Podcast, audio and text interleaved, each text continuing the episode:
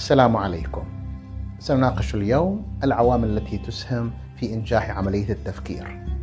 هناك مجموعة من العوامل التي تسهم في إنجاح عملية التفكير تتمثل في المعلم والبيئة المدرسية والصفية وملائمة النشاطات التعليمية لعملية التفكير. سنتناول اليوم العوامل ذات العلاقة بالمعلم وهي قدرة المعلم على الاستماع للطلبة واحترام التنوع في أفكارهم.